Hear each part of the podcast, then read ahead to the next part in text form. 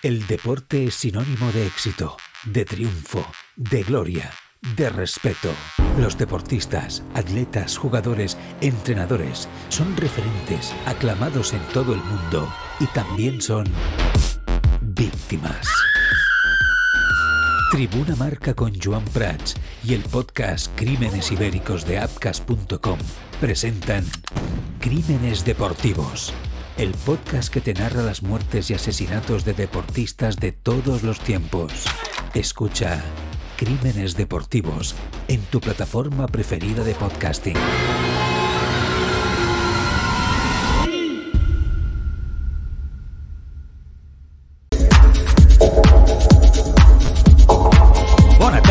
Benvinguts al Tribuna, un programa multiplataforma que pots escoltar en directe o quan et doni la punyetera gana. A la FM, en streaming, en podcast ara o a les 3 de la matinada.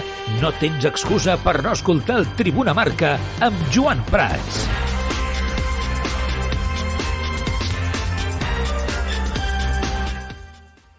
Què tal, com esteu? Molt bona tarda. Benvinguts un dia més al Tribuna Marca. Tot apunta a moviments al mercat d'hivern per part del Futbol Club Barcelona. No era la idea, així ho havia destacat tant el president Laporta com en infinitat d'ocasions Xavi Hernández, però finalment, com dic, tot apunta que el mercat imposarà els seus termes al Barça i que hi haurà eh, una oportunitat, segurament el dit, el conegut com a una oportunitat de mercat, i el Barça entrarà, entrarà al 100%. Memphis Depay és la clau absolutament de tot. El jugador ja ha acceptat que el millor és sortir del Barça, aquest mercat d'hivern, però prioritza fitxar per l'Atlético de Madrid. Algunes fonts diuen que ja té un acord, inclús amb el conjunt matalasser, una opció que a Can Barça no acaba d'agradar gens per les últimes operacions amb els eh, matalassers, però ara bé, si no queda més opcions que negociar un intercanvi entre ells, es negociarà. I quin és el nom?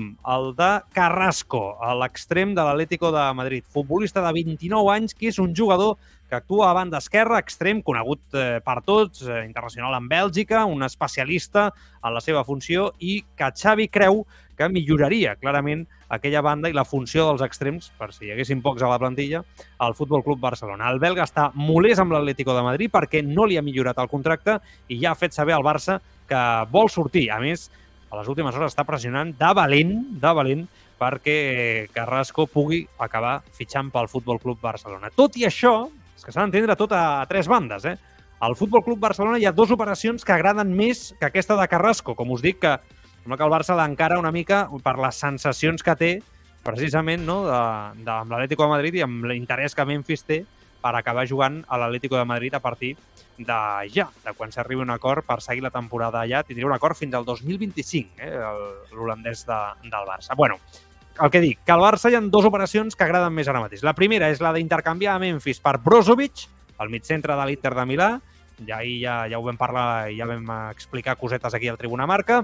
Xavi el veu completament preparat per jugar al mig del camp del Barça. D'aquesta manera s'aconseguiria acabar amb el problema del pivot per la propera temporada si finalment, si finalment Sergio Busquets no renova, és un jugador mm, de prestigi internacional al més alt nivell, internacional amb Croàcia, la millor Croàcia de la història. Brozovic té una grandíssima sortida de pilota, és un jugador que entén perfectament el joc posicional, s'adaptaria sense cap mena de problema. Però atenció, perquè aquí no acaba la cosa.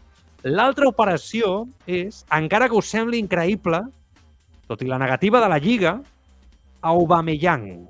Sí, sí, tornem al tema Aubameyang.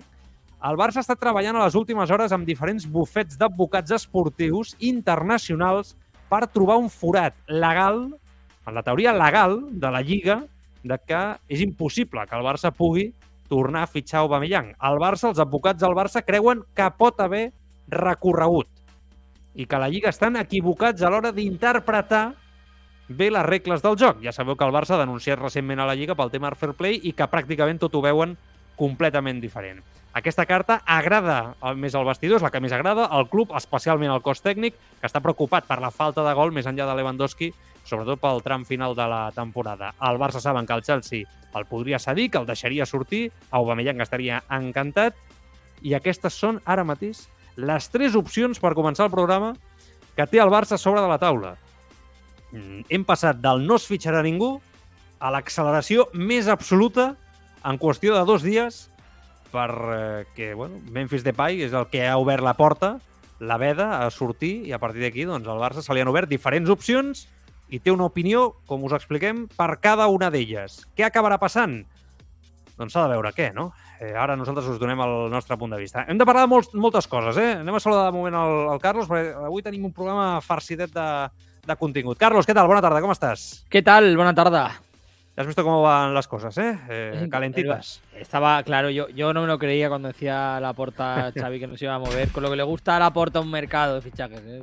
No, se, no se va a entretener, si no. És veritat.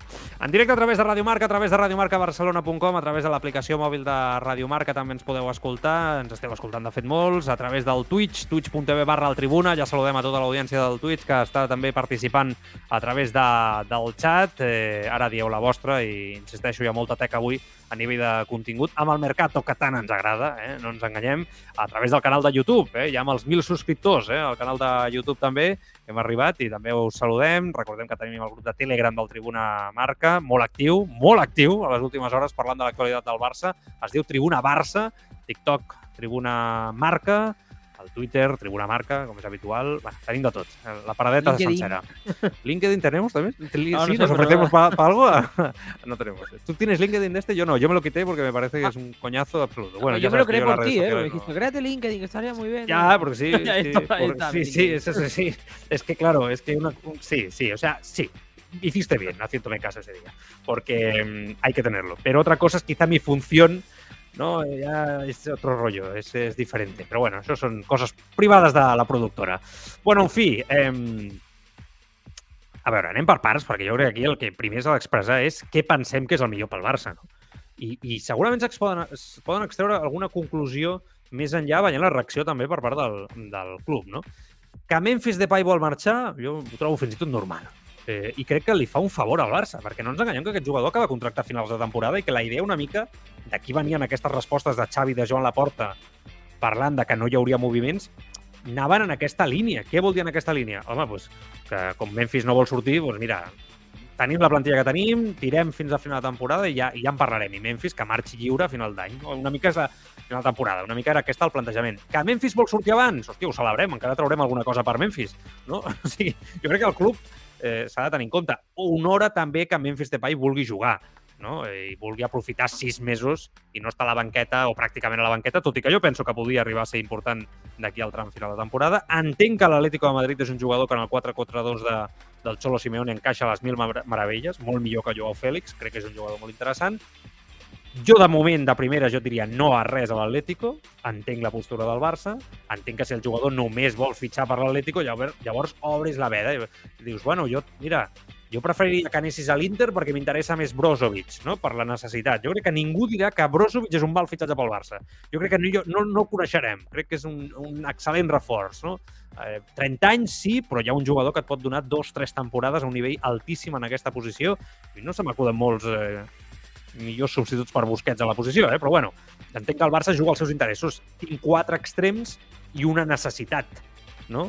Que és la del mig centre, perquè no sé què passarà amb Sergio Busquets. Per tant, Inter de Milà. L'Inter obert, per tant, entenc que el Barça, prioritat, el tema de, de Brozovic.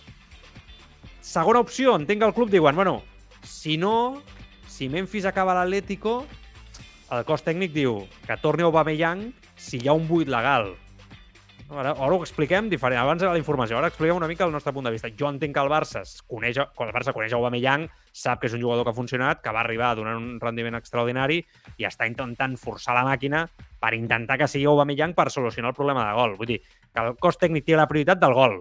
I després, si no, al mig centre. Si no, si la única postura de Memphis és Atlético de Madrid sí o sí i el tema d'Aubameyang no es pot fer, entra en la partida Carrasco a mi el que m'aixeca el nom de Carrasco... Eh, mm, no, aquesta expressió sona, sona raro, això. No m'aixeca res, Carrasco, eh? preguntareu-me. Vull dir que... Però, sí que eh, trobo que és un jugador, per mi, molt irregular.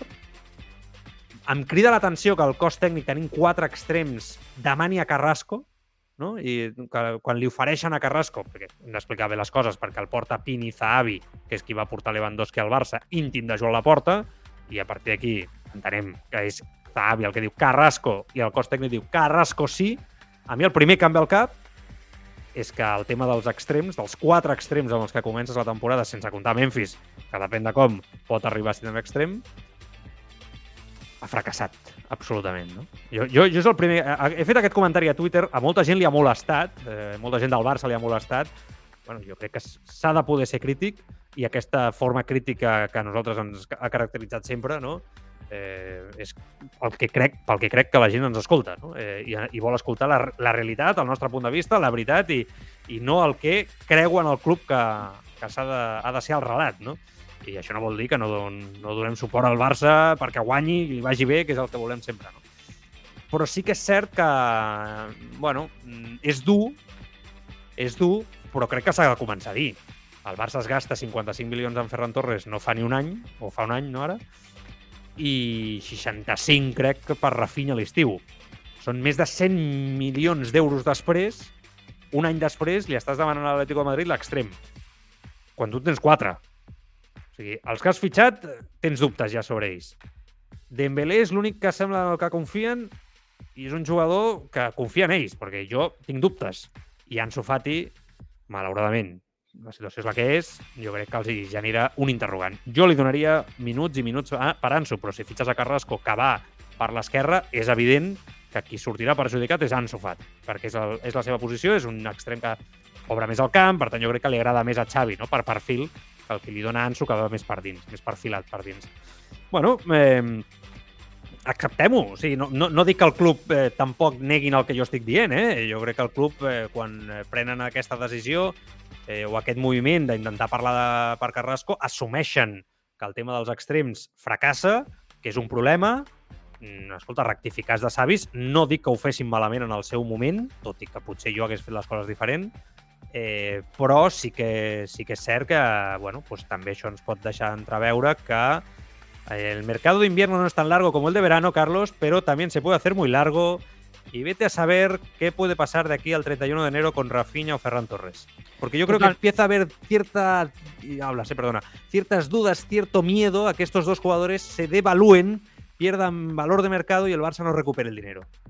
Es lo que yo, lo que yo creo. Eh, sobre todo, a mí lo que me da a entender, ¿no? Es, me quedo con titular que has dicho al principio, ¿no? Lo que da el Barça a entender con este movimiento es que asume que ha fracasado el proyecto de los extremos, ¿no? Porque si no, evidentemente no te vas a poner un jugador como Carrasco, que sin duda, seguramente no sea la primera opción de la Secretaría Técnica ni de Xavi, pero es lo que hay, ¿no? Lo que el mercado te ofrece. Eh, por tanto, cuando el mercado te ofrece a Carrasco, que no es nada del otro mundo, y tú vas a por Carrasco, significa que el problema es importante, ¿no? Que, realmente es una necesidad, ¿no? Ahora mismo encontrar un perfil como el de Carrasco, que sí que es verdad que si viene, pues, a un precio, ¿no? Gratis, eh, interesante, ¿no? Un cambio, ¿no? Exacto, un recambio, un intercambio, pues eh, está bien tirada porque te puede salir mal o, bien, pero sin duda es un, un, jugador, un extremo con gol, ¿no? siempre ha sido un extremo con gol. Entonces, es un perfil diferente en ese sentido, ¿no? yo creo que puede aportar más al Barça si las cosas salen bien. Si salen mal, pues bueno, ha sido un intercambio por otro jugador que no te estaba funcionando, que estaba fuera de la dinámica directamente, ¿no? Dicho esto, eh, tan grave es la situación ahora mismo en los extremos, tan mal lo ve Xavi Hernández como para autorizar esto. No, no creo simplemente, pero que ya que están ante esta situación, lo que, lo que te he expuesto antes, ¿no? Las tres dinámicas, las tres oportunidades. Sí, pero bueno. Si, sale Memphis y solamente queda negociar con el Atlético el intercambio, pues Carrasco. yo, yo creo que de primeras no lo ven así. Pero creo que esta situación que Memphis ha llevado al club ahora a plantearse esto, nos ha llevado a, a veces la vida, ¿no? Te lleva a, a, ponerle nombre a las cosas en ciertas situaciones. Eh, y que tú no quieres ver o que, o que dejas para más para adelante, pero la vida te dice, no, ahora. Pues yo creo que el cuerpo técnico de este tema lo iba a avanzar o lo iba a afrontar en verano. Quizá, pues, eh, un problema que intuíamos ya muchos y que aquí se ha comentado muchas veces de que el tema de los extremos mmm, chirriaba, pues se encara ahora en invierno. ¿Qué nos, ¿Qué nos hace ver cuando lo encaras? Pues que sí, pues que hay un problema con Rafinha y con Ferran especialmente, porque yo creo que con Ansu sí que hay más sensación de, de tiempo con el tema de Dembélé no lo entiendo, pero da igual. Eh, es su extremo y es su apuesta. Yo creo que Rafinha lleva muy poco tiempo, pero hay cierto miedo a que se convierta en un caso Coutinho, este estilo de jugador que cuesta muchos millones y que no triunfa. Y el caso de Ferran es evidente que la presión de jugar en el Fútbol Club Barcelona está destrozando a este futbolista. O sea, es que no se parece en nada al Ferran Torres un año después que llegó al Barça. Entonces, es eso, yo creo que es eso. No solo no es que se lo planteen, pero bueno, visto lo visto. Es que, es que a ver, si el mercado, Joan, te ofrece, te ofrece a Brozovic por, por Depay, ya se puede poner Ferreira Carrasco donde. claro, pero si Memphis no quiere ir al Inter. Es bueno, ya, ya, pero quiero decir que yo creo que el Barça le tiene que dar prioridad absoluta, porque es que con todo respeto para Depay, que me parece un gran jugador, ¿eh? pero Brozovic le da 50.000 patas en cuanto a nivel. Una cosa de locos, en mi posición, evidentemente, ¿no? Pero, pero eh, como pieza de, para un equipo, tanto para Inter como para Barça, ¿no? Yo si fuera del Inter preferiría tener a Brozovic en mi equipo antes que a Depay. Pero acaba contrato Brozovic. Sí, pero bueno. interés en sacar algo a cambio. Pero el Inter, ya, pero el Inter tiene temporada por delante, ¿no? Y Brozovic estamos hablando de una pieza clave del equipo. Sí, sí, titular indiscutible. Sí, me parece algún problema muscular, pero es titular indiscutible. Exacto, me parece algo surrealista, ¿no? Para, para los intereses del Inter. Y si realmente la situación o la operación es viable, por mucho que de, de primeras no le haga un poco más de ascos al, al, Inter, yo aguantaría e intentaría hasta el final. Eh, de hecho, dentro de lo que cabe, tú lo has dicho antes al inicio, ¿no? Ya en el club lo piensan, yo también creo que es lo, es lo lógico.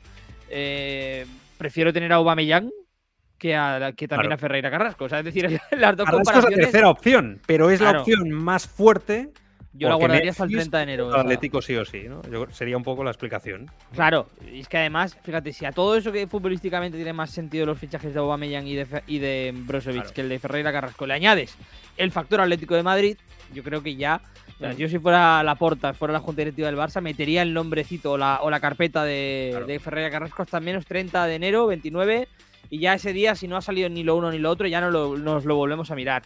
Eh, entiendo que Xavi quiera un extremo o que quiera reforzar el equipo de alguna manera, pero, pero vaya, o sea, quiero decir. No, pero no es la prioridad, ¿eh? O sea, es la oportunidad le lleva de mercado. A, la, la, oportunidad de mercado le lleva a encarar el problema que todos intuíamos que iba a explotar ya, que es el tema de los extremos. Es que yo creo que está clarísimo. Aunque para mí el gran problema sigue siendo el, el, tema del lateral derecho, ¿eh? insisto. O sea, es sí, pero es cierto. El gran de este Barça, sin duda. Sí, pero no nos engañemos, ¿eh? Yo ya te lo he dicho muchas veces esto que a Cundé se le está poniendo una cara de lateral derecho de los próximos años en Can Barça, pero ¿sabes aquello hecho a medida? Pues esa es la cara que se le está poniendo a Cundé para los partidos importantes, teniendo en cuenta que como centrales tienes muchas garantías y que el mercado no te ofrece muchos laterales derechos mejores que Cundé. Cundé es que está rindiendo un nivel extraordinario, ¿eh? Y el otro día Araujo el problema de Cundé es que de maravilla. yo creo que a lo mejor te puede decir, venga, hasta final de temporada tiro yo, se ha dado así, pero veremos en verano. A ver, o sea, yo creo que es algo que tiene que expresar él. Siempre que ha podido hablar un poco, no se ha quejado, pero ha dejado esconder la Pero su discurso ha cambiado, ¿eh? O sea, su discurso ha cambiado en los últimos meses, sobre todo desde Francia, diciendo que está muy, muy a gusto en el lateral derecho, jugando, etcétera. No sé, este es otro tema que seguramente yo creo que, el cuerpo técnico sabe. Está ahí, igual que el del pivote, está ahí y por eso yo creo que Xavi cuando le preguntan principal problema, pivote, Brozovic, bueno, me encaja, ¿no? Eh, me podría encajar bien aunque no olvidemos el tema Aubameyang, que, insisto, que el Barça está haciendo operaciones paralelas, ¿no? Para ver cómo dar encaje a todo ello. No está siendo fácil, pero vamos a escuchar a Alberto, Alberto Pérez, compañero de Movistar, eh, que eh, cubre la información del Atlético de Madrid, que nos habla un poquito más de Carrasco, del jugador, por si no lo hemos ido viendo este año, ¿no? En el Atlético de Madrid, cómo está jugando, cuál es su momento y ahora seguimos hablando porque la siguiente pregunta que nos vamos a tener que hacer aquí es, vale, si llegara Carrasco, que aunque no es la primera opción, creo que es la opción que tiene más números de hacerse porque Memphis solo quiere ir al Atlético de Madrid, con el que tiene un acuerdo hasta 2025. Si llegara, Ferran y Rafinha tienen mercado ya en este mercado de invierno, pueden ser vendidos, ¿a quién venderíais? Os leo en el chat, vamos a escuchar primero a Alberto Pérez sobre Carrasco y ahora lo comentamos. Mm, a mí me parece un jugador muy interesante eh, y sobre todo en esta segunda etapa, eh, después de la primera donde tenía algunos vicios de actitud que recordaban un poco incluso lo que hemos visto con Joao Félix, su salida a China eh, y el retorno al Atlético de Madrid yo creo que cambió al jugador, él mismo lo ha explicado a veces, que empezó a entender lo que era digamos, el trabajo para un colectivo. en la victoria en la Liga del Atlético de Madrid yo creo que fue un jugador determinante y es verdad que este año está más irregular, no está tan fino. Es un jugador puro de banda, puro extremo, pero que incluso puede ser lateral. Lo que pasa es que con una defensa de tres, yo no le veo de lateral en una defensa de cuatro. Eh, es un jugador brillante en el desborde. Creo que a veces conduce demasiado y para un poco el juego. Eh, y para el estilo Barça, mm, la duda que me queda es que es un futbolista que yo creo que necesita espacio por delante, más que encarar de parados, jugador que tiene mucha zancada, que en carrera eh, yo creo es cuando más daño hace. Y quizá le viniera mejor incluso jugar un poquito más atrás que no en el, en el extremo con, con poco espacio para correr. Pero igualmente me parece un jugador, la verdad, de, mucho nivel. Gràcies, Alberto. Eh, és curiós perquè claro, estamos, si se ficha Carrasco, se ficha un estilo de Dembélé también para la izquierda. ¿eh? O sea, con lo que nos quejamos de Dembélé, que también va Para mejor con gol. espacio. Para ti mejor Carrasco que Dembélé. No, ¿eh? no, no, para No. mí más gol, más gol de, Más de gol. Carrasco que de Dembélé. Pero peor jugador que Dembélé. Pues sí, sí, eso sin duda. Vale. No, pero si se fichara, yo creo que es evidente de que fichas a un jugador también, ¿no? Que al contraataque con espacios va a ir mejor. Ahora decía el emparado. Bueno, en ataque posicional, llámale como quieras, ¿no? Creo que es un futbolista que, que es verdad que es otro tipo de extremo. Rafinha, en cambio, por ejemplo, parece que es un extremo Ferran Torres que se adapta mejor al estilo de juego del Barça a priori, pero Xavi parece que quiere más esos extremos rápidos, largos, ¿no? Desequilibrantes, muy abiertos a banda, no que vayan tanto por dentro, ¿no? Bueno, vamos a ver por dónde van los tiros. A ver, dicho esto, en- yo creo que es, es de cajón. ¿no? no digo que sea así, porque en el club nadie nos ha dicho que vaya a ser así. Esto también hay que decirlo, pero, pero que si sale Carrasco, ah, si sale, si, llega Carrasco, Ferran Torres o, o Rafinha están fuera. O sea, uno de los dos se va al mercado de invierno. Yo creo que esto es evidente, vamos. Es que me, me sorprendería que no fuera así, que el Barça no aprovechara esa oportunidad de mercado. ¿Es justo? Porque eh, yo empiezo a pensar que no lo es. O sea, creo que con Rafinha es que lleva cuatro meses, ¿no? O sea, cinco meses en el Barça. O sea, Pero es una decisión puramente económica, ¿eh, Joan? Yo- en el caso de Rafinha, yo creo. no- Es no decir, sé, me explico. no o sé, sea, con lo de puramente voy a intentar no matizarlo. creo, ¿eh? Eh, eh, si Rafinha estuviera jugando bien, evidentemente ni se plantearía. Tampoco está haciéndolo fatal. O sea, lo está haciendo Está bien. teniendo continuidad. Exacto. Pero el tema es que yo creo que el Barça ve la situación que viene en verano, los cambios que ha habido con el fair play, ¿no? la liga, eh, los refuerzos que necesita la plantilla, ve que a lo mejor el jugador no ha tenido un gran encaje y que todavía pues le sondean, ¿no? Con ofertas parecidas a lo que pagó el Barça por él y dice, mira, no está saliendo bien y lo que teníamos pensado que iba a ser este verano 2023 no va a ser, por tanto, si nos quitamos ahora a Rafinha de encima y arreglamos, damos al control Z, ¿no? Digamos, en el mercado de Pero fichajes, es miedo, ¿no? podemos cuadrar. Bueno, es miedo, eh, pero, pero también es un jugador que no era, insisto, lo hemos dicho muchas veces, que no era de la elección de Xavi concretamente. No, no, es que claro, es que es rectificar un error. O sea, recordemos que el Barça se interesa por Rafinha en principio como sustituto de Dembélé. Se tira con los dos porque no sabes qué va a pasar con Dembélé. Se llega al acuerdo con Rafinha y con Dembélé prácticamente igual. Primero con Dembélé y después dices, ostras, como ya tengo todo el tinglado montado, los acuerdos, las comisiones para los intermediarios, etcétera, etcétera. En este caso, Deco por el medio, ¿no? Se tira con Rafinha, reforzamos la plantilla, pero yo creo que todos llegamos a la conclusión que teniendo a Ferran Torres, teniendo a Ansu, en ese momento, teniendo a Abde también, que era una opción que parecía que gustaba mucho a Xavi, alguien sobraba y que quizá era demasiado, ¿no? Pero bueno, vamos a tirar el año y a final de temporada ya veremos cuál de estos extremos, ¿no? Quizá es el que tengas que vender con la incógnita de Dembélé que nunca sabes por dónde te, va a salir. Eso es, es cierto lo que tú dices.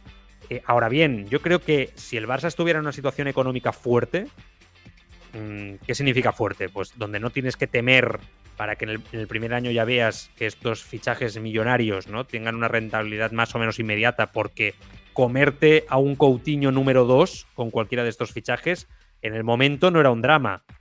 Ahora es un drama económico para la entidad de, dimensiones bíblicas, porque es que no se lo puede permitir como, como club el Barça. Yo creo que ahí es esa psicosis la que se apodera un poco también de los dirigentes, ¿no? Decir, a ver, Rafinha, ostras, parece que podemos estar ante un jugador de esos muy buenos, pero que por lo que sea en Can Barça, ostras, no encaja en el entorno, la presión le puede, lo que sea, llámale como quieras. Porque esto yo creo que tiene diferentes nombres, ¿no? El caso de Ferran Torres, jugador joven, tácticamente muy inteligente, a nivel de movimientos yo creo que genial, pero no tiene gol. ¿Puede resistir Ferran Torres sin gol siendo extremo, aunque mejore sus registros como jugador en el Fútbol Club Barcelona en el futuro? No parece fácil, ¿verdad? No parece no, yo, yo creo que no parece fácil ni que llegue a tener más gol del que tiene y que sin tener ese gol pueda resistir siendo importante en el Fútbol Club Barcelona. Y estas preguntas que nosotros nos las hacemos desde fuera y aquí hay cada día centenares de oyentes que lo están comentando, ¿no? Creo que en el club se las hacen incluso antes porque son profesionales de esto y llegan a esas conclusiones incluso antes que nosotros. Entonces, llegados a ese punto, dices, cuanto antes vendamos a uno de los dos, si además ya has traído a Carrasco, mejor para recuperar inversión, esa necesidad económica está ahí, pero también deportiva, porque yo creo que hay la duda de que deportivamente Ferran o Rafinha lleguen a triunfar. Ahora la gran pregunta, solo saldrá uno si sale uno. Creemos nosotros, insisto, que no sale de ninguna información en, esta, en este caso por parte del club. Creemos que este es el orden natural de las cosas si llega Carrasco y Memphis se va al Atlético. ¿Quién? Esa es la gran pregunta. ¿Sería Ferran o sería Rafinha? ¿Podemos llegar a intuir por las decisiones, por las declaraciones del cuerpo técnico, cuál de los dos es el que en este mercado de invierno saldría prioritariamente o depende de la oferta que llega o de quién tenga más mercado? Porque si es en ese caso, está claro que es Rafinha, jugador que hace dos días media Premier, League lo quería. Yo creo que al final ¿eh? va loco por, por Rafinha, ¿no? Ferran Torres ha llegado ya a un momento en el que se ha quedado mm, cojo a nivel de mercado para recuperar 55 millones. Intuimos que sí. Yo creo que pues es casi imposible. Creo que es casi imposible que el Barça pueda recuperar 55 millones o algo parecido por Ferran Torres en este mercado, salvo que Ferran, a lo mejor de aquí a verano, mejore un poco, no digo mucho, porque si mejora mucho seguiría. Eh, dudo que el Barça pueda sacar 55 kilos. Por Rafinha, en cambio, sí. Sí que creo que al Barça le puede dar. 65, ¿eh? Tendría que recuperar. 65. No sé 65, pero bueno, pongamos que 55, 50, yo creo que el Barça lo puede recuperar. Minimizar pérdidas, vaya. Y, y, dentro de cabe salvar un poco el verano, ¿no? De cara, de cara a lo que va a ser el mercado de verano, que es importante de nuevo. Hay que, hay que eh, hacer por lo menos dos contrataciones importantes, ¿no? En el centro del campo y en el lateral derecho. Eh, a partir de ahí, yo creo que todo o sea, ya que Rafinha esté en el mercado, más allá de que no esté jugando muy bien y, lo que quieras. Eh, Carlos, no me convence. Eh. Que Rafinha esté en el mercado para mí es una decisión puramente económica.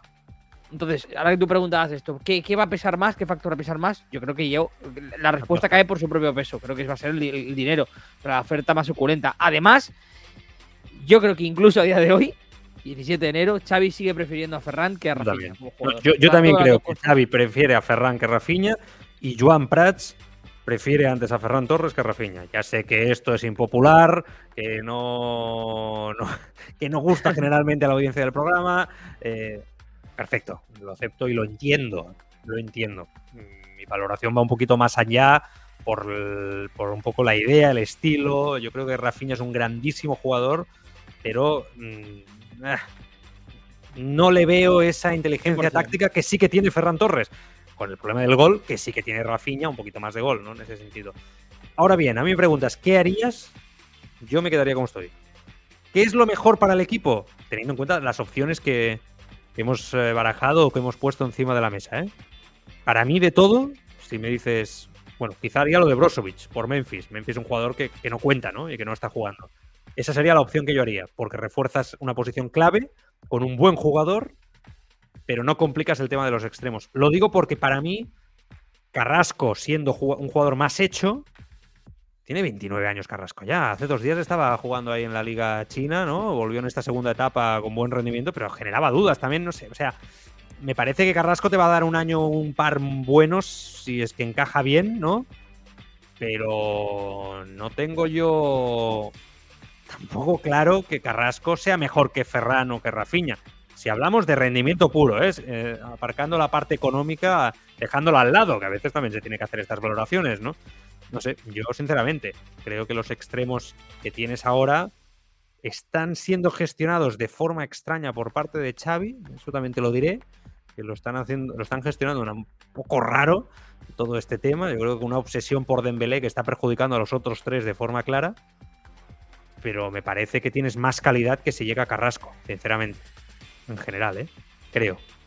Sí, sí, no, no. A ver, creo que, en, cuanto a estilo, a mí me encaja más Ferran también. O sea, yo creo que, que Rafinha tiene más capacidad individual. Creo que tiene más, más techo como jugador que, que Ferran. Yo hace nada te hubiera dicho lo contrario, ¿eh? también te habría dicho Ferran. Carrasco tenía más que. O que Ferran, ¿no? Que Ferran que tenía más que Rafinha.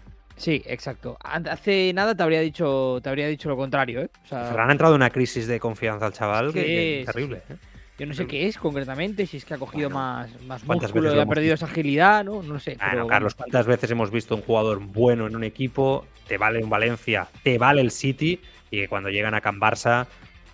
El Madrid también, ¿eh? Aunque el Madrid quizás es un poco diferente para esto, pero, pero en el Barça es devora, devora personas, devora mentes, ¿no? devora mentes, como el de Stranger Things. El devora, pero, pero sí, es una. Es, hay grandes jugadores a lo largo de la historia que no soportan ¿no? el entorno. Y cuando digo el entorno, no me refiero a, al estadio grande con mucha afición. Es cómo se vive la vida ¿no? en el Fútbol Club Barcelona, la presión que hay, la exigencia que hay. No todo el mundo está preparado. ¿no? Yo creo que eso vale para Ferran, que tú, lo, tú hablas ahora de él, pero también vale, podría, no lo sé aún, porque quizás pronto podría llegar a valer también para Rafiña esa incógnita y esa duda. ¿eh? Sí, pero no lo sé, o sea, todavía no lo tengo tan claro. O sea, no, no, pero claro, no lo hemos visto tanto y no, lo hemos visto tanto. Ferran ya llevamos un año y hemos Exacto. visto aquel día que se puso a llorar. ¿Tú te acuerdas aquel día que se puso a llorar? Claro, pero fíjate, cuando se puso a llorar, Ferran era una época en la que jugaba todos los partidos. O sea, Xavi le daba los minutos, el peso, mm. los galones. Rafinha es un poco más diferente, ¿no? Rafinha le hemos ido bien, le hemos ido viendo bien. Hizo una gran pretemporada, recordemos que en pretemporada todos flipábamos con él, con Rafinha. Y fue bajando, fue bajando, fue bajando, mm. ya alternando partidos. No ha tenido esos seis meses, ¿no? De máxima confianza, de jugar pase lo que pase, como si le pasó a, a Ferran. ojo, no, yo no digo, claro, eh, exacto, es lo que iba. Yo no estoy diciendo que Xavi haya sido injusto con él, como si, por ejemplo, decía que creía que tenía que jugar más a Zufati. Mm, Creo que es una creo que es una cuestión del propio, propio jugador, ¿no? Que ¿no? Por lo que sea, no ha sabido encontrar la continuidad. Parecía que había caído de pie, la verdad. Rafinha cayó de pie en, jugando aquel clásico que marcó, ¿no? En los partidos y demás. Eh, digo de verano, ¿eh? Pero una vez el Barça, ¿no? Yo diría que a partir del día de, del Allianz, ¿no? Empieza a venirse para abajo totalmente y no, no sé si es una cuestión de confianza, una cuestión de fútbol o de encaje, pero bueno, es verdad que yo creo que se merece la segunda mitad de temporada, eh, Rafinha, pero si se va a tomar por una cuestión, por un criterio financiero económico, yo creo que es que no hay ni comparación. Creo que Rafinha tiene más mercado, creo que es un jugador que se adapta menos, todo, todo apunta que va a ser él el jugador que se vaya. Mira, estoy compartiendo pantalla. Eh, esta es la encuesta cuando salió el interés del Arsenal por Rafinha este fin de semana, que es un jugador que yo creo que encaja muy bien con Mikel Arteta y este Arsenal, que es una auténtica pasada.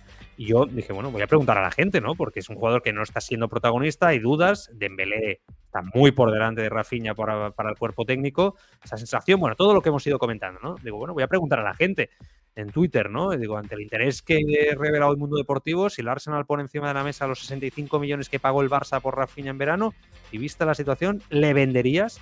Bueno, ya viste lo que contestó la gente, ¿no? 76,6% que sí, 23,4% de los votantes dijeron que no. O sea, eh, bueno, no sé si la comunidad eh, en Twitter, ¿no? Puede servir, yo creo que más o menos sí, ¿no? Eh, generalmente del Barcelona y puede servir un poco para entender lo que piensa la gente.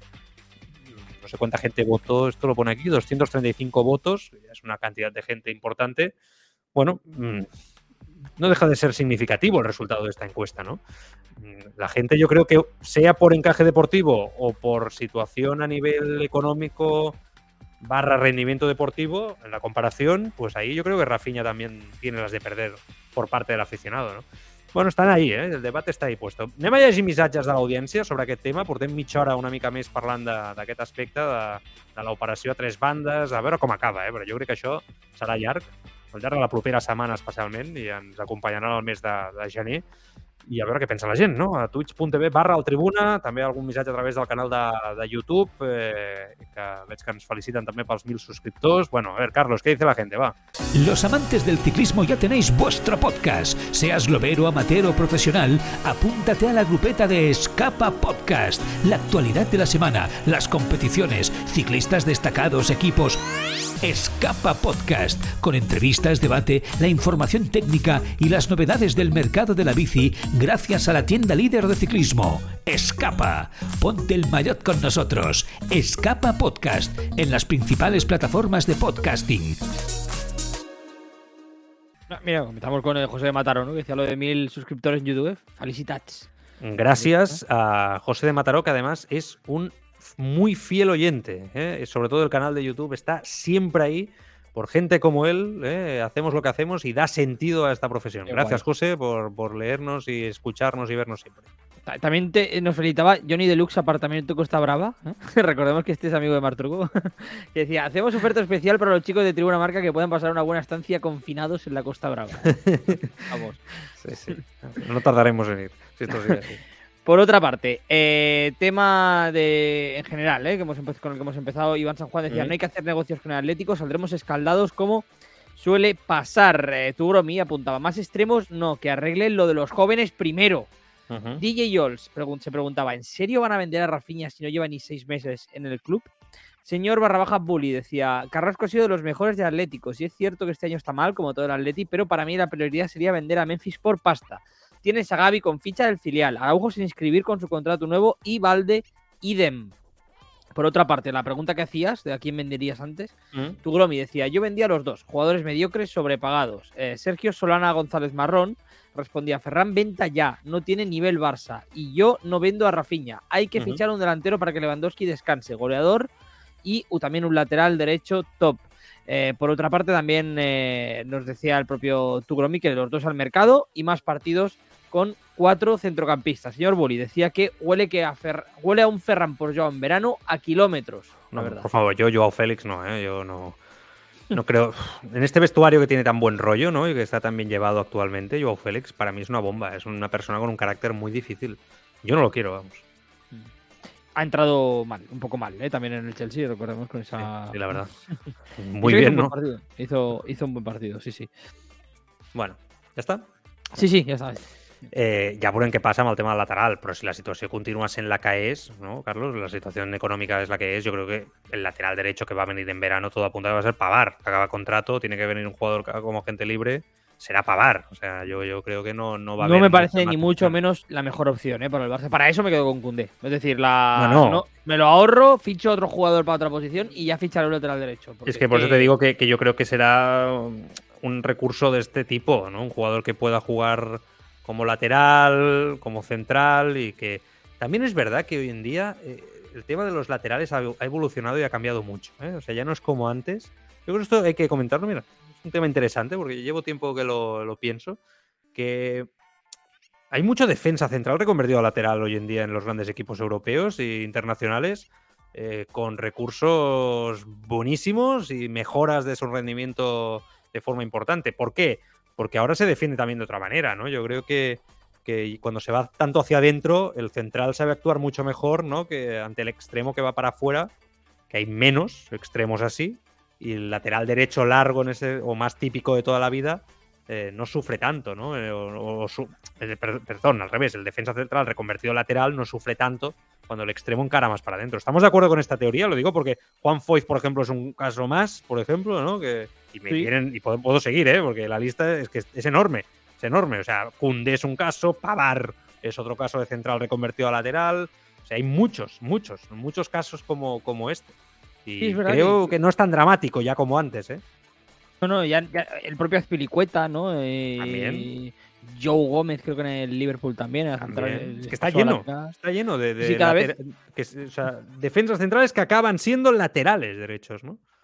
Sí, sí, no, y bueno, oye, que, es que, que, que el caso de, por ejemplo, Cundé está funcionando de, de maravilla, ¿no? Sí, O sí, sea, a mí me da no- muchas garantías. Da Yo- mucha garantía, sin, sin duda. muy tranquilo. Y, y en ese sentido, yo creo que, que el Barça, si realmente él está cómodo en esa posición, o sea, llega a un punto en el que le gusta, ¿no? Pilla- le pilla gustillo jugar en esa posición y, y, y no lo hace nada mal como lo está haciendo, el Barça directamente También te digo una que- cosa, es el Barça. mirar. sí que tiene que fichar competitividad, pero ¿no? bueno. ¿Cómo? Tú juegas donde te dice tu entrenador. Esto es Claro, Barça, sí, ¿no? sí, pero bueno, a ver. También es verdad que el Barça te- seguramente a lo mejor a, a Koundé le dijo una cosa, ¿no? Vas a ser ya. titular y demás, y luego es otra. Ya, ya, pero yo no tengo tan claro que con Christensen a este nivel y Araujo a este nivel, Koundé sea indiscutiblemente titular en el Barça, ¿eh? Cosa que hace dos meses te diría yo, que sí. Yo, yo creo Ojo, que indiscutiblemente no, pero creo que en condiciones normales, si el Barça tuviera un lateral derecho titular de garantías, digamos, No sé. eh, Koundé estaría por delante de Christensen. Yo sé que No lo Christensen sé. lo, está haciendo muy bien, pero No lo nada, sé. o sea, yo creo que Koundé es otro nivel. O sea, No, no lo sé, porque es otro nivel. de momento, por lo que hemos visto de los dos, a mí Koundé me encanta, ¿eh? que se me entienda, y creo que está jugando a un nivel extraordinario, es un grandísimo fichaje. Pero oye, Christensen en silencio, mm, ¿le recordáis un error como jugador del Fútbol Club Barcelona? Porque es que no, no lo hay, ¿eh? Es que no lo hay. No lo hay. O sea, es que no lo hay. Y de Koundé hay alguno, ¿eh? Puntual. Por ser pelapuñetes, no? Que es un català. Però, però, puny- però és veritat que, hòstia, el nivell de Christensen és extraordinari, eh? Com a central del Barça. Eso es indudable. A, Sorprenentment. a- a día de hoy sí. Pero insisto, yo creo que como jugador, el techo. el techo, ¿no? Y el día de, en el día a día, yo creo que Koundé hasta Bueno. ahora en su carrera me ha demostrado más que Christensen. O sea, quiero decir, para mí estaría por delante. No, no, no por quitarle mérito a, a Christensen, al contrario, ¿no? Sino por darle, ¿no? Y por subrayar lo bueno que es eh, Koundé en su posición natural. A veure, eh, tenim molts temes, anem a intentar que entri tot. Eh, avui tenim una hora de programa, en portem ja 40 minuts eh, gairebé, per tant, eh, anem a accelerar una mica. Ara hi ha molta gent que preguntava sobre el tema de la renovació de Gavi, eh, no? de quan podrà ser inscrit, una mica el mateix que en Valde, en Camaraujo, amb Iñaki Peña, bueno, Avui Mundo Deportiu explica que el registre de la renovació segueix sense produir-se per problemes de, amb el fair play financer del Barça, que això ja ho sabem. El club ha parlat amb ell, li ha fet saber que a l'estiu cap problema. Gavi està tranquil. Bueno, no sé, no és la millor situació, sincerament, eh? El mateix rotatiu explica avui que Lewandowski, que quan Lewandowski va arribar al Barça, el jugador que més el va impressionar va ser Gavi. Precisament, el polonès va estar parlant amb ell i li va fer veure que tenia un potencial enorme per arribar fins on ell, fins on ell volgués. Li va donar consells d'alimentació i entrenament i ara és un dels jugadors que més està a sobre de Gavi, el propi Lewandowski durant els entrenaments, segons aquesta informació de Mundo Deportivo. Curioso, ¿no? Curioso, lo digo por aquel relato, discurso que tanto se comentaba de Gavi es un jugador físico, no técnico y tal, y que precisamente Lewandowski cuando llega a Barcelona, el primero que se fija, más que en Pedri o tantos otros jugadores técnicos, es en Gavi. Es que al final las cosas caen por su propio peso.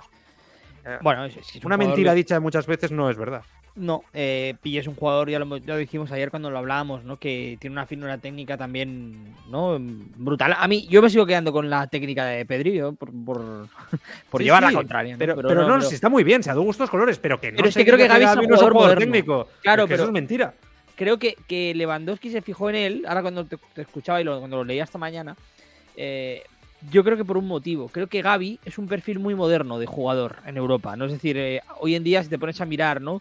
Eh, voy a hacer una comparación, y es verdad que Gavi es mucho más pequeñito, ¿no? Pero, por ejemplo, Sí. Jude Bellingham es un futbolista que es muy técnico, que tiene mucha, ¿no? Mucha llegada, también, físico, eh, pero físico, Sí, sí, eh, también va a todas, ¿no? Este chico. Sí, no, no, eh, evidentemente es diferente el perfil, pero quiero decir, Pero sí, sí. también es un jugador muy agresivo, que va, que va a todas. Te voy a hacer decir, una comparación que, que quizá yo creo que se asimile un poco más al físico de Gavi. El de Foden. Foden, que es más pequeñito y más menudito, que ya sabes que a mí me tiene enamorado este jugador. Yo es que le veo un techo altísimo a este chico. Hostia, Foden no para. No para, no para, no para, no para, todo el rato. Eh, es un jugador que yo creo que se desconecta más con el balón en los pies a veces que con sin él. Sin él no para de presionar, de trabajar, es muy activo también. Y Gaby en eso me recuerda quizá más. De- de- por compararte a alguien que de físico van más. Porque Bellingham yo creo que es un jugador. Vamos, no ha llegado aún a su tope físico, pero puede ser una bestia parda en un centro del campo de 5 o 6 años brutal, ¿eh? Y que además te organiza técnicamente a un nivel altísimo. Es que Bellingham, yo estoy viendo que es un jugador mm, nivel muy top, ¿eh? O sea, todos los partidos que he visto últimamente de él, veo que estamos. No se, se habla poco de él para lo que puede llegar a ser. Porque Sí. me parece que es algo muy gordo. Sí, sí, sí, no, eh, yo, yo también lo pienso, pero bueno, hay que ir también con, con calma, ¿no? Porque pues, eh, ya sabemos que en los últimos años también han salido muchos talentos de Inglaterra que se han quedado un poco a medias, ¿eh? Ya, pero este yo- El propio Jadon Sancho, ¿no? Yo también, creía que iba a ser algo muy, muy grande, muy tocho y se queda ahora muy, muy estancado. Sí, sí, yo, o sea, es un privilegiado, ya no solo por la calidad que tiene, sino por las condiciones físicas. O sea, Claro. que es una bestia. Pero mm, quiero verle. O sea, quiero decir, al final, Sí. A mí, yo soy el, el fan número uno de Bellingham, o sea, no lo digo por, por quitarle Mm. precisamente méritos, ¿no? Pero, pero pienso que hay que verle en una, en una gran liga. Yo con Jadon Sancho estaba tan convencido como tú ahora con Bellingham y mira, No, es que Sancho es a muy la vida bueno. me, ha dado, me, me he dado de bruces con la realidad, ¿no? También porque ha caído en el United, el United es un club en un momento muy destructivo, en una situación ver muy ahora. mala. A ver ahora. ¿No? Rashford, por ejemplo, ha, ha- ha renacido, Joder, entre comillas. Pero este siente los colores, hacer ¿eh? Carlos, no olvides eso, ¿eh? Que ese factor Ah, es Rashford diferencial, es de allí, es- sí, sí. Ah, eso yo creo que eso ayuda a la hora, ¿no? También de decir en momentos determinados conectarte a un, lo que te pueda pasar, cómo te puedan tratar, este tipo de situaciones, ¿no? De los jugadores de casa. la digamos. mentalidad. Yo, yo, eh, Rashford es un, es un Mm. chico muy maduro. eh, Sí, sí. Ya sabemos que las causas sociales ¿no? y demás. Sí, sí, sí, sí. A, a Jadon Sancho yo creo que un poco la cabeza no le funciona igual. No, no, es, es, es cierto, un poco Ceballos. Bueno, eh, hasta regalito para Ceballos. Segundo, en- llevamos dos en, en- en dos programas, La- dos regalos. Le había sido tuyo, ¿eh? Tú ayer le llamaste, le llamaste tonto directamente, ¿no? Eh, De forma elegante. eh, de forma no elegante, era- y yo ya le he dicho que no le, no le llega para más. Tenía una la- inteligencia suprema, dije. La verdad es que cuando. A mí no me gusta insultar y no caer en el insulto fácil no es nuestro estilo y hacemos coña, ¿eh? entenderme la ironía un poquito. Pero sí que es verdad que, que cuando te expones, como hizo el otro día con el tirón de pelos, y no solamente esto a Gaby, sino yo creo que muchas acciones como las que ha hecho Ceballos en los últimos tiempos, como jugador, al final te expones a que te den con el mismo nivel, ¿no? O con la misma vara de medir con la que tú vas por la vida, ¿no? Yo creo que este chico va por la vida de una manera que, sinceramente, pues la gente pues va a pensar lo que él, lo que él, de él, lo que él expone también, ¿no? Alguien debería hablar con él en Madrid y decirle, oye, ¿crees que este es el camino, chico? Porque es que realmente eh, vas contra un muro, ¿no? Eh, vas contra un muro siendo, siendo así, te vas a hacer daño. Y el muro está duro, duro, perfecto. El muro está duro, ¿no? Y duele, ¿no? Eh, no sé, en fin, bueno, sin, no quiero abrir este, melón- este melón ahora, que esto ja és de, ayer. Eh, molt ràpid, el tema de la defensa que dèiem, no? Eh, és, els números són impressionants, eh? Jo no sé si és agosarat o no dir, no sé, Carlos se va a reír ahora con esta pregunta, si el Barça té la millor defensa del món. Ya sé que esto hace tres meses nos lo dicen, nos dicen, ¿qué coño estás preguntando, Joan? Pero es que yo me he ido a hacer números, ¿no? Y, bueno, los números que me han salido esta mañana son Arsenal, líder de la Premier, ha encajado 14 goles en 18 partidos, nada que ver con el Barça. El menos goleado de Inglaterra es el Newcastle, 11 goles eh, recibidos. Alemania, Bayern de Múnich, 11 goles también en contra. Portugal, Benfica, 12. Eredivisie, el 20, 9 goles recibidos. La Juve en Italia, 12 goles. PSG, 14. El Barça solo ha encajado 6 goles en 16 jornadas. Pues claro, es que mm, estamos ante uno de los mejores Barças defensivos de la historia. Solo se acerca la temporada 17-18 en las mismas jornadas, 16 jornadas, ¿eh? Se encajaron 7 goles. Uno más que ahora. El año pasado el equipo había recibido 18 goles en 16 jornadas. 16 goles un año antes y 18 en la 19-20 a estas alturas de año. Es la defensa menos goleada de ligas mayores y menores de Europa. Hombre, pues quizás sí es la mejor defensa del mundo. O sea, Sí, sí. es que Yo creo que ahora mismo, la, sin duda, la, la defensa más en forma y la mejor de la temporada, sin ninguna duda. O sea, yo creo que. O sea, es que los números hablan por, por sí solos. Ya decía seis goles, ¿no? En Liga. Eh, tres de ellos se los ha marcado el Madrid, ¿eh? Es decir, si quitas ese partido, son tres, gol, son tres goles en cinco, sí. en 15 partidos. O sea, acojonante. es, una, es una barbaridad. Es acojonante. Y te diría más que la defensa, me gusta a mí de- de- destacar esto diferencialmente, el sistema defensivo. Que a veces, muchas veces nos centramos en la defensa o en la línea defensiva. Yo creo que el sistema defensivo em- empieza arriba, ¿no?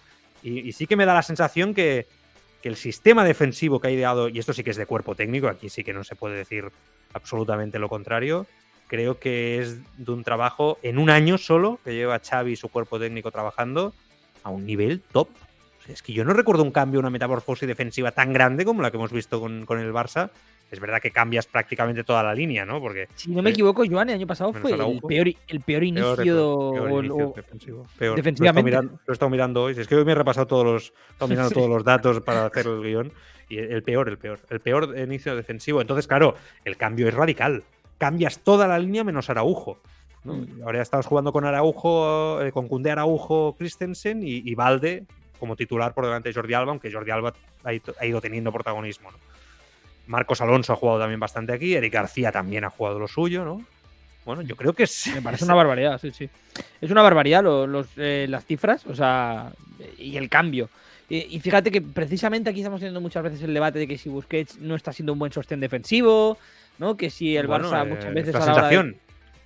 Sí, sí, o sea, es decir, ¿no? La, la sensación quizá, o sea, lo que me parece llamativo, aparte de los datos, ¿no? Es que nos haya sorprendido un poco, que a ti te haya sorprendido la pregunta, ¿no? A la hora de hacerla, porque a lo mejor Sí. el equipo muchas veces no ha transmitido, ¿no? Esa seguridad en algún tramo de la, de la Pero ha temporada, sufrido mucho, pero ha sabido sufrir.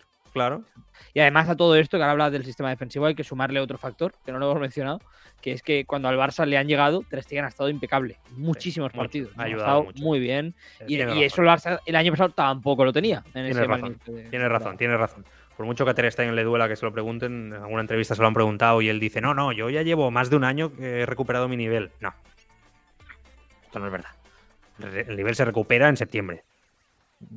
que el año pasado acabó ya mejor con Xavi, pero seguía sin estar al nivel esperado que él puede dar, que oye, que es magnífico, es de portero top en el mundo, ¿eh? y eso es lo que se le debe exigir y eso es lo que fichó el Barça y, y que dure muchos años, ¿eh? pero bueno, es verdad que este debate eh, eh, es interesante también para que nos dé otro prisma de la situación del Barça, que es el siguiente, que es, hombre, seguramente sin este sistema defensivo, la situación que todos haríamos, o, o, la lectura, o el cuadro, o la pintura que haríamos de situación del Barça sería diferente.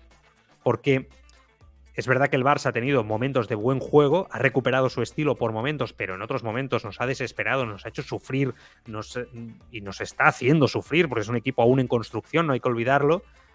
Pero ese sistema defensivo te permite que esas carencias de esos momentos de los partidos, 60 minutos, 40 en alguno, 35 en otro, el que sea, no se vean tanto porque el sistema defensivo te ha aguantado el equipo cuando tú no has sabido hacer lo que mejor eh, haces. Tú no eres un equipo que se sustenta en, tu faceta defensiva, se sustenta en tu construcción con el juego, en tu juego posicional, en tu ADN, etcétera, etcétera, ¿no? Entonces, cuando eso falla, si tienes un sistema defensivo sólido como el que tienes, seguramente esas carencias van a, van a verse menos y el discurso frente a tu equipo, ¿no? En este caso el equipo de Xavi, va a ser menos duro. Imagínate que el Barça llevara 12 goles encajados.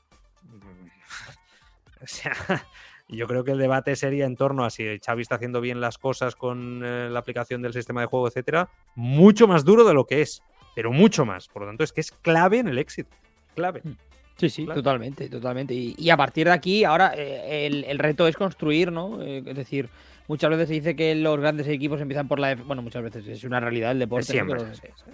Fíjate, fíjate, que el, el, Madrid, ¿no? Este año, el año, el año pasado que triunfa, mm. ¿no? Empieza con una sí. gran defensa la temporada. Sí, sí, un equipo muy difícil de marcar goles y al final acaba afinando, ¿no? Dependía mucho de Vinicius Benzema, pero bueno, era suficiente para ganar eh. títulos. Al Barça le falta este año encontrar eso, ¿no? Más, a Lewandowski ya lo tiene, ¿no? Y está haciendo números también espectaculares, pero le falta otra pareja, ¿no? Ahí arriba para, para poder compensar y convertirse ya en un equipo que, fíjate, ¿no? Dice, si tienes los ingredientes, tienes la mejor defensa de Europa, tienes a uno de los mejores goleadores de Europa, ¿qué te falta ¿no? para, para estar ahora mismo bueno, entre los tres mejores de Europa? Estoy... Regularidad. Sí, y, y, y, que tuvo muy mala suerte con el grupo de la Champions, el Barça, seguro. O sea, se pilló en el peor momento de la temporada, claro, es que es... en una Champions concentrada en un mes, recordemos, un mes y medio. A lo mejor el trabajo de Xavi es muy bueno. Es que con sus cosas, vuelvo a decir, con sus cosas, con sus matices, con su aprendizaje, con su evolución como técnico, él mismo es un técnico joven, pero vamos, en general yo creo que podemos decir que el trabajo es muy bueno. ¿Dónde estábamos hace un año? ¿Dónde está ahora el Barça? Es que no hay ni, punto de comparación. Vemos futuro. Vemos algo, ¿no? Al final del túnel. Yo creo que hay que, hay que decirlo. Precisamente sobre ello, sobre el relato, vamos a hablar ahora. Porque a mí esto me parece. Aquí Carlos conoce mejor que yo el Real Madrid, la Casa Blanca. La llevaba mamando desde pequeño, igual que yo la Casa Azulgrana. Este programa es diferente porque es un programa del Barça.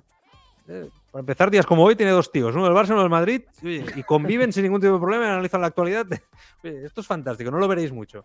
Pero, pero es cierto que el relato ya al día siguiente de ganar esta Supercopa, no digo todo el mundo, porque generalizar es feo, ¿eh? y eso no hay que hacerlo, pero oye, hay una parte de. Sí, bueno, es que el Barça gana porque el Madrid no está bien. Hostia. Esto ya me lo conozco yo, ¿no? Lo he visto en varias ocasiones, ¿no? No, no, si el Madrid está bien, el Barça no gana. El Barça es el peor equipo que el Madrid, ¿no? Bueno, hemos seleccionado un momento, es un poco largo, pero creo que escenifica muy bien del partidazo de Cope ayer de los compañeros con Juanma Castaño, y además tenemos muchos amigos ahí en el equipo trabajando como Alberto Arauz y compañía, un crack al que le mando un saludo desde aquí. Eh, tienen este debate. Está David Sánchez por el medio, compañero de esta casa debatiendo, está Dani Sanabra, también Bonamic. Eh, también defendiendo un poco los colores ahí del Barça y creo que está creo que interviene Mónica Marchante si no me equivoco eh, alguno más no también eh, Joseba Larrañaga creo que está en el debate también ahí no eh, y Luis García creo el compañero de, de, Deportes 4 no creo que están todos ahí. Y fijaos por dónde va el tema y ahora lo vamos a comentar Carlos y yo porque es un extracto que precisamente debaten sobre ello no sobre el relato de la derrota no del, del Madrid aquí ya estaríamos haciendo una autocrítica brutal, ¿no? El Barça, el Barça, el Barça, tal. Y en cambio allí, no todo el mundo, hay gente que se lo toma diferente. El problema es el Madrid, que no está a la altura y por eso el Barça gana. Sí, curioso. Pues, el Barça, Barça no, Barça nada. Escuchemos. No, pero yo digo que es que como, como se ha construido un relato según el cual el Madrid cuando, cuando gana por la mínima al Barça es porque no, no le quiere hacer daño. Cuando. ¿Pero o sea, qué? Es que cosa- sí, ¿qué hombre. dice? Dani, ¿tengo razón o no tengo razón? sí, Siempre es lo mismo. Cuando el Barça. Cuando- ¿Cómo busca apoyos? Dani, ¿tengo razón o no? ¿Cómo- No, es, que ¿sabes qué Ayúdame, ayúdame. Que cuando, en los últimos años, por, del- por desgracia, el Madrid le ha pintado la cara al Barça, en Barcelona se ha dicho que es que el Barcelona no estaba para competir con el Madrid. Y en Madrid no se asume eso. Madrid se dice, no, es que hemos tenido un mal día.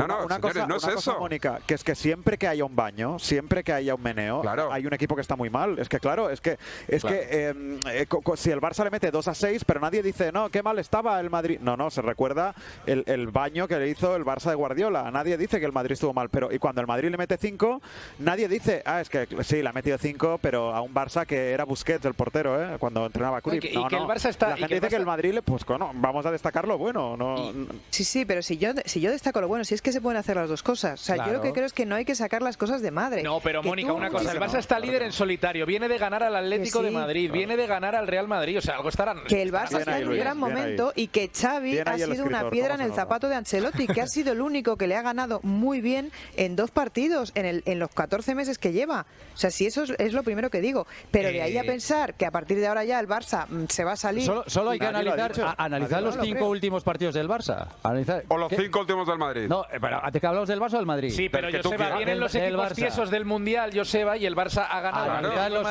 al Real los Madrid, no creo que esté mal. Empate ¿eh? a uno con el español. Bien. Pasó Sí. con el Intercity a penaltis y de aquella manera. Bueno, casi- la, pasó la con el Betis. de los de la pasó, pasó con no el pasó en no pasó en penaltis con el Inter. No, no, no, no. No, en la prórroga, perdón, perdón. Pasó con el Betis a penaltis a la final de ayer. Y ayer jugó ganó al Atlético de Madrid y al Real Madrid. Pues ese es el bagaje de los últimos cinco. Eso es el mejor equipo de la historia. No, no. Es el equipo que ¿Lo va a ves? arrasar a Mira, partir de de la ahora. Ya están mintiendo. De Es que nadie ha historia, dicho que es el mejor Barça de la historia ni el mejor equipo de la historia. Eh, por favor, eh, por favor. Hemos tenido una charla de lo más panenquita con- Bueno, vale. Eh, Voy yo primero, Carlos, y después te escucho a ti. ¿te. Adelante.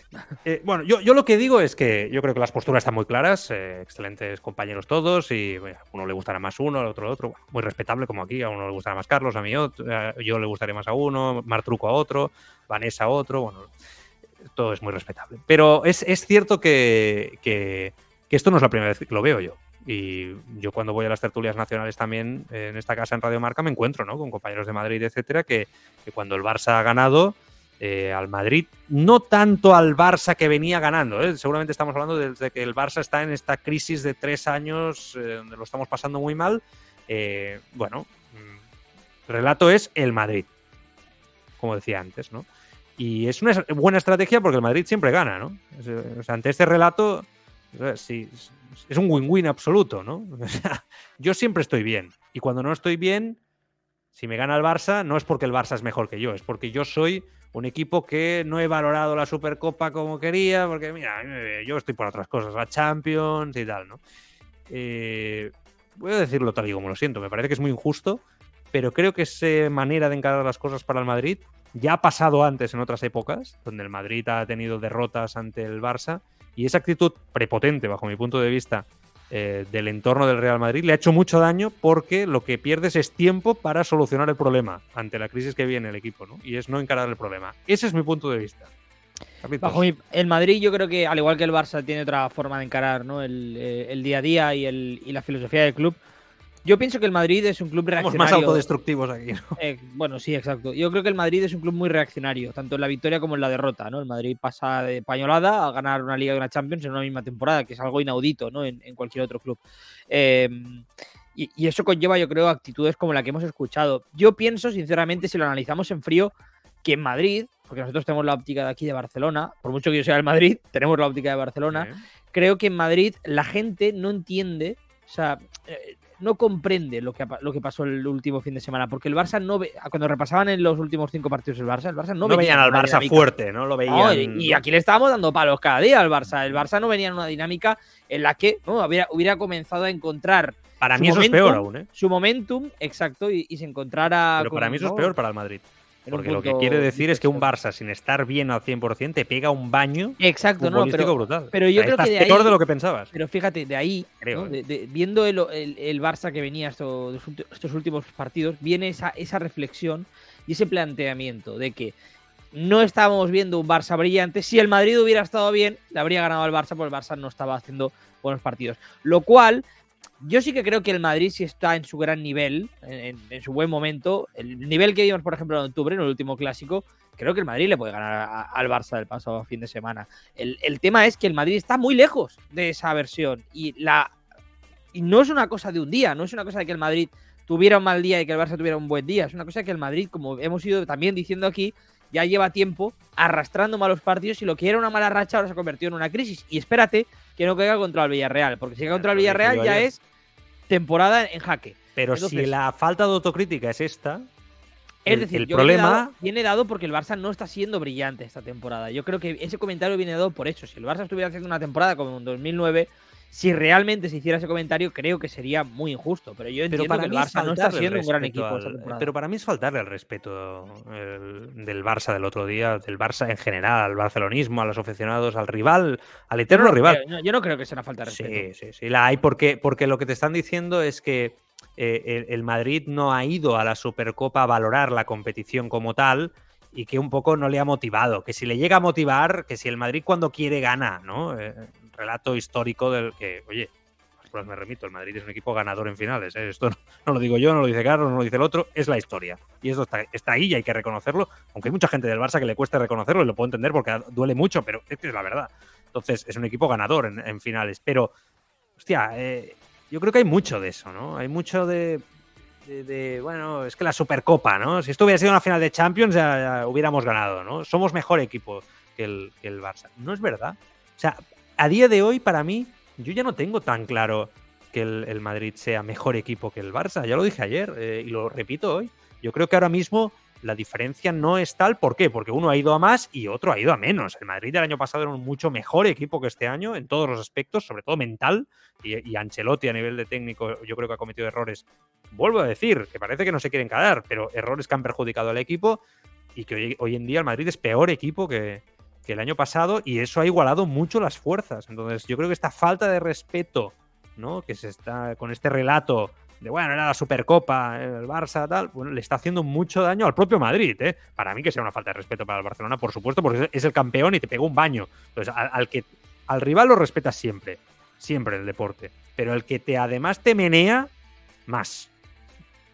Sí, Más. pero yo no, es que yo no, no, no- no veo esa, o sea, no, no veo un desmerecimiento tan claro del Barça. O sea, yo, en lo el que momento, creo. Carlos, que hay gente que está diciendo en Madrid que el Madrid no se tomó en serio la Supercopa y que Pero por eso- ese motivo el Barça yo no el, creo que- el que ganó. Esto así, ¿eh? lo, he escuchado yo. Es un así, problema, ¿eh? es un problema, es un problema del madridismo, pero no con el Barça, es un problema del madridismo ahora Bueno, mismo, la falta bien, de- de autocrítica, porque esa autocrítica yo bien. tampoco la he visto cuando el Madrid ha ido pinchando en los otros partidos.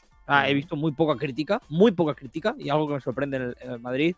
Y el otro día cuando se pierde, pues bueno, yo creo que sí, el, el, afi- el- el más bufandero, pues seguramente busque la excusa de la Supercopa, que es la Mm. más fácil de largo, ¿no? Pero, el Pero que es lo que más se escucha en las últimas problema- horas. el Madrid tiene un problema de fondo que es ahora mismo y que, y que yo creo que es dos cosas, ya lo dije eh, ayer, es el físico y la estructura de, de juego. Oye, o sea, todo la- las bases que se presentaron el año pasado ahora mismo no están. Yo no sé si es algo circunstancial o es algo que se ha caído directamente ya para, para siempre. Los fichajes tampoco han sido adecuados y el, y el Madrid ahora mismo necesita varias capas de pintura en varios aspectos. ¿no? Entonces, eh, Proyecto. no me parece que el Barça ahora mismo, o sea, no- eh, es decir, no creo que estemos en una situación como en 2009 en la que el Barça esté aquí y el Madrid esté aquí No, abajo. ¿no?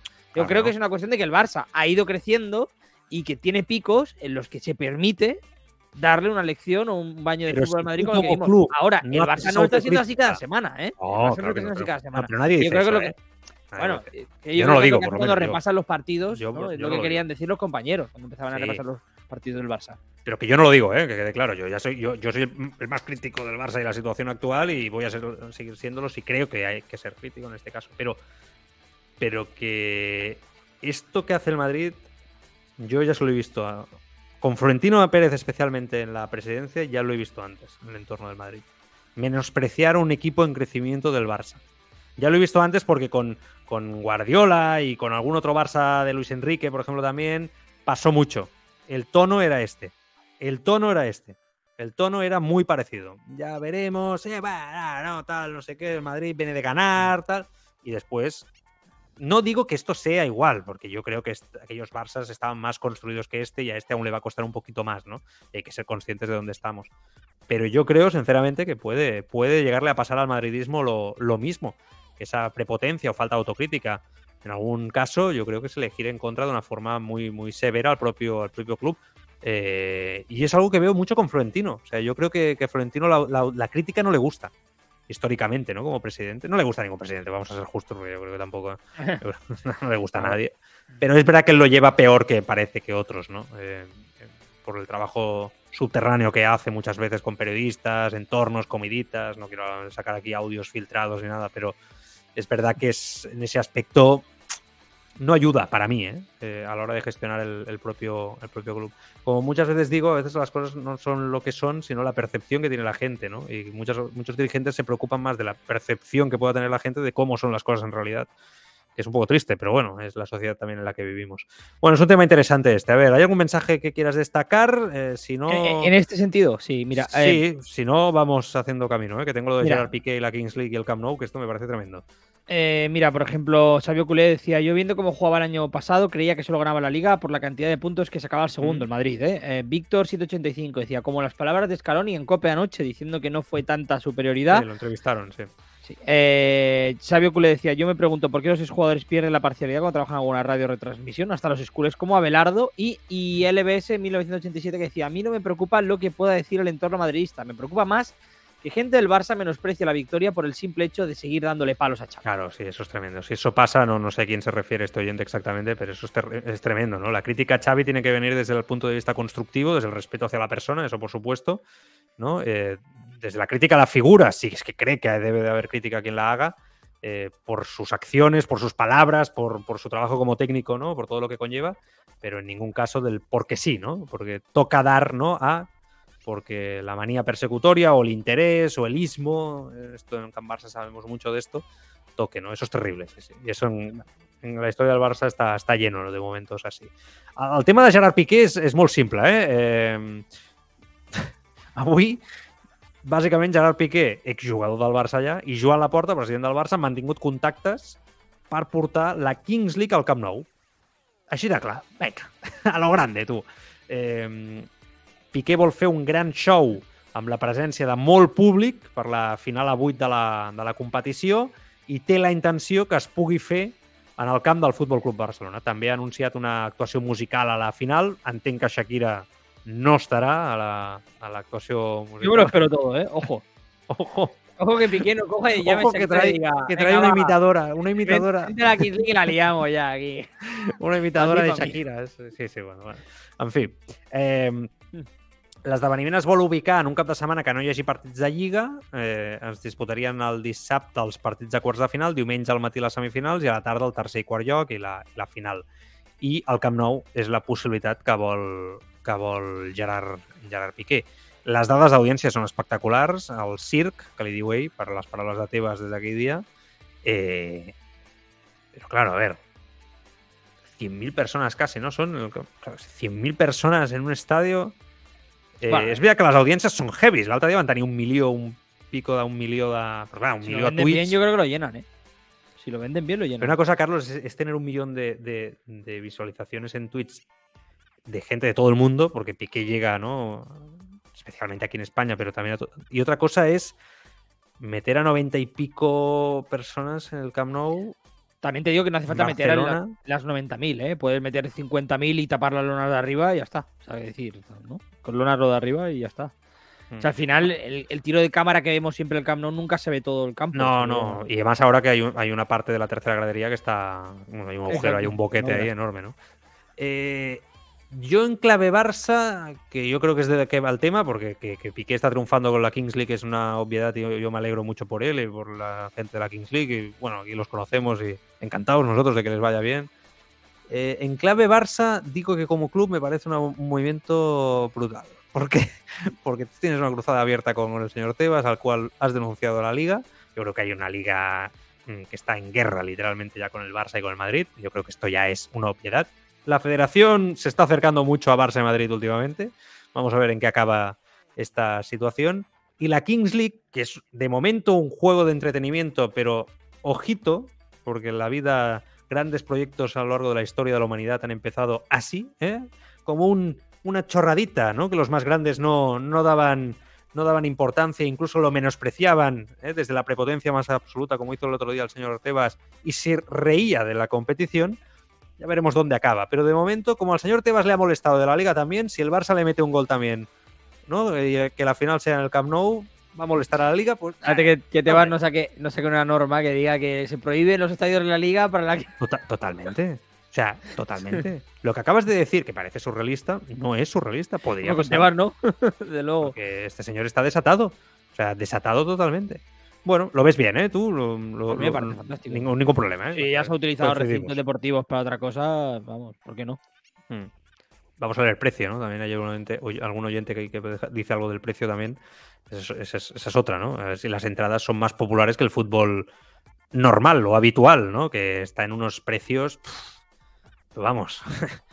Eh, Es que ese es otro tema que tenemos que tra- tratar algún día con más calma, ¿no? El tema del precio del fútbol español. O sea, es que es una locura absoluta.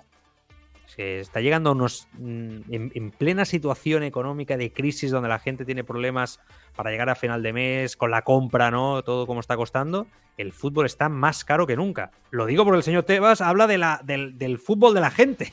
O sea, es que es alucinante. El fútbol español, el fútbol de la gente. El fútbol de la gente, el fútbol de los ricos. Porque, porque claro, e, el resto no, no llegamos, ¿no? Y acabamos, acabamos con un tema, el tema de la revolución FIFA. Eh, ¿Quién es la revolución FIFA? Bueno, se acabó el tema de la barra libre para representar a jugadores.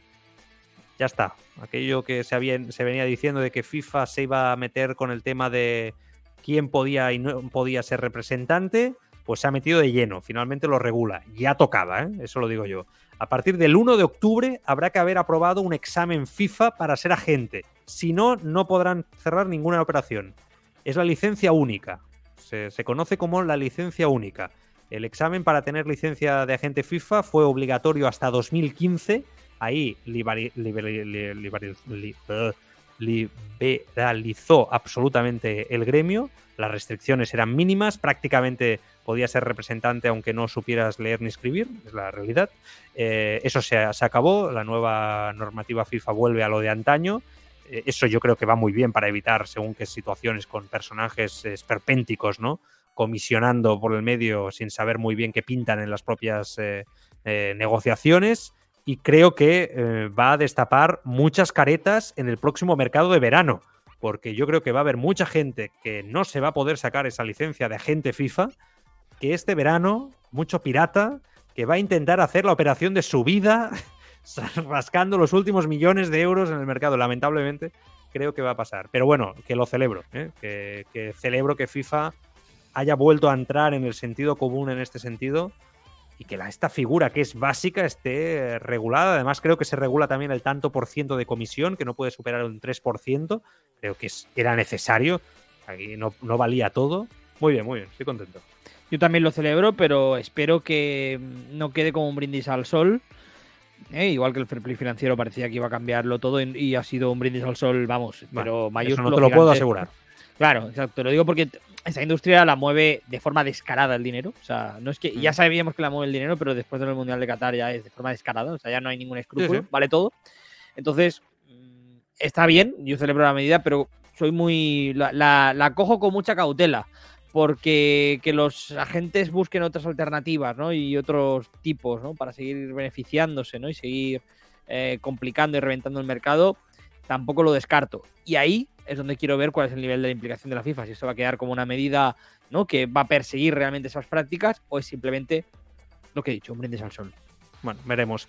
Acabem amb una notícia de futbol femení, jo crec que és una gran notícia. Si el Barça anunciava la renovació de Graham Hansen, avui els culers s'han llevat amb una altra bona notícia, l'ampliació de contracte d'Ingrid eh, Engen fins al juny del 2025. La migcampista acabava contracte a finals de temporada, el Barça no n'ha volgut prescindir d'ella, la Noruega que va arribar el 2021 procedent del Wolfsburg no ha pogut eh, amagar la seva satisfacció per la renovació. Se la veia molt contenta al cantó de Joan eh, Laporta i l'experta en futbol femení, aquí és la, ja la coneixeu, l'Andrea de Ferreter, que ens ha deixat un comentari explicant no? què implica per l'equip del Futbol Club Barcelona femení aquesta renovació de la jugadora noruega.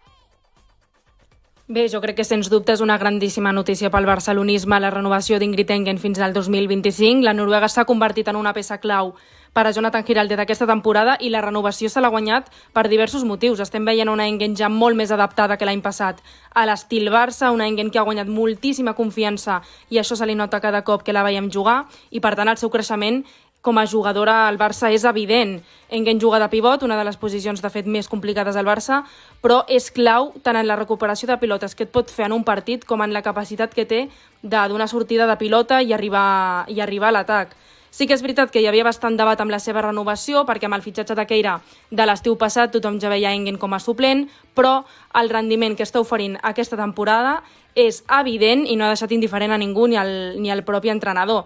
A més, també, també hem vist a Engen aquesta temporada jugar de central, ho fa molt bé i aquesta polivalència doncs, també és valorada molt positivament al club. Per tant, jo crec que amb aquesta renovació guanya tant el Barça com la pròpia jugadora i veurem quin rol tindran aquests anys, perquè sí que és veritat que no és titular indiscutible, perquè també està Patrick Guijarro quan es recuperi Alexia, i, però jo crec que guanyarà molt protagonisme en aquest equip com ja ho està fent uh, aquesta temporada. Gràcies, Andrea. Talent, eh? L'Andrea seguint, com sempre, l'actualitat del Fútbol Club Barcelona femení. Un último tema, eh, y nos vamos, que tiene que ver con el tema que hemos iniciado el programa, el tema de Carrasco, las opciones, etcétera. Información de hace nada sobre eh, Ferran Torres. Sobre Ferran Torres. Información de Fabrizio Romano, ya sabéis que lleva bien el tema del mercado el club, el Barça, lleva tiempo buscando clubes interesados en Ferran Torres sin éxito.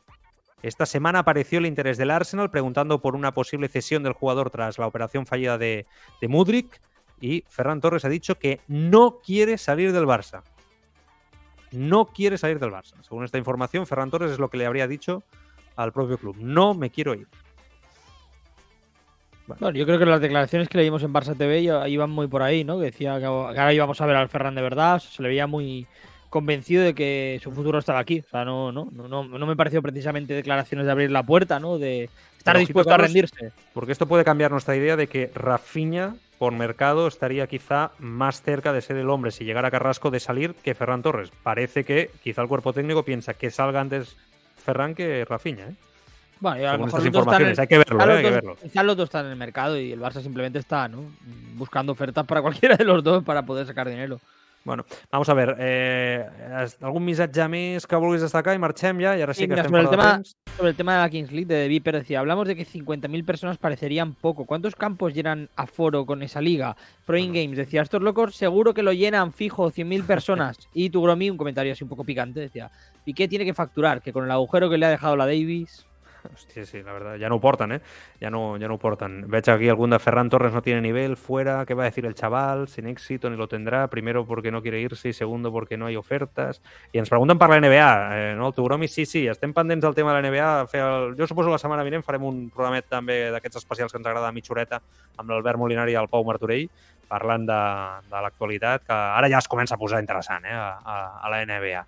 Carlos, eh, pues nada, eh, mañana volvemos. ¿eh? Mañana más. Vinga, cuídate mucho. Eh? Igualmente, Demà estarem els tres amb el Marc Truco. Eh? Cuideu-vos. Fins demà. Sigueu feliços. Gràcies per ser-hi com sempre. Adéu-siau.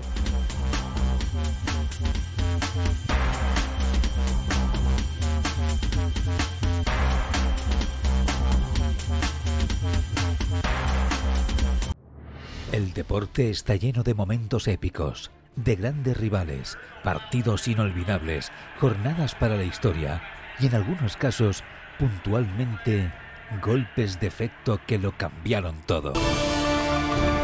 Abcas presenta un podcast repleto de personas increíbles, de grandes deportistas y de momentos, de situaciones que han pasado a los anales de la historia del deporte. Descubre Golpe de Efecto, un podcast con las grandes historias del deporte y los grandes deportistas. Golpe de Efecto, de Upcast, ya en tu plataforma de podcasting.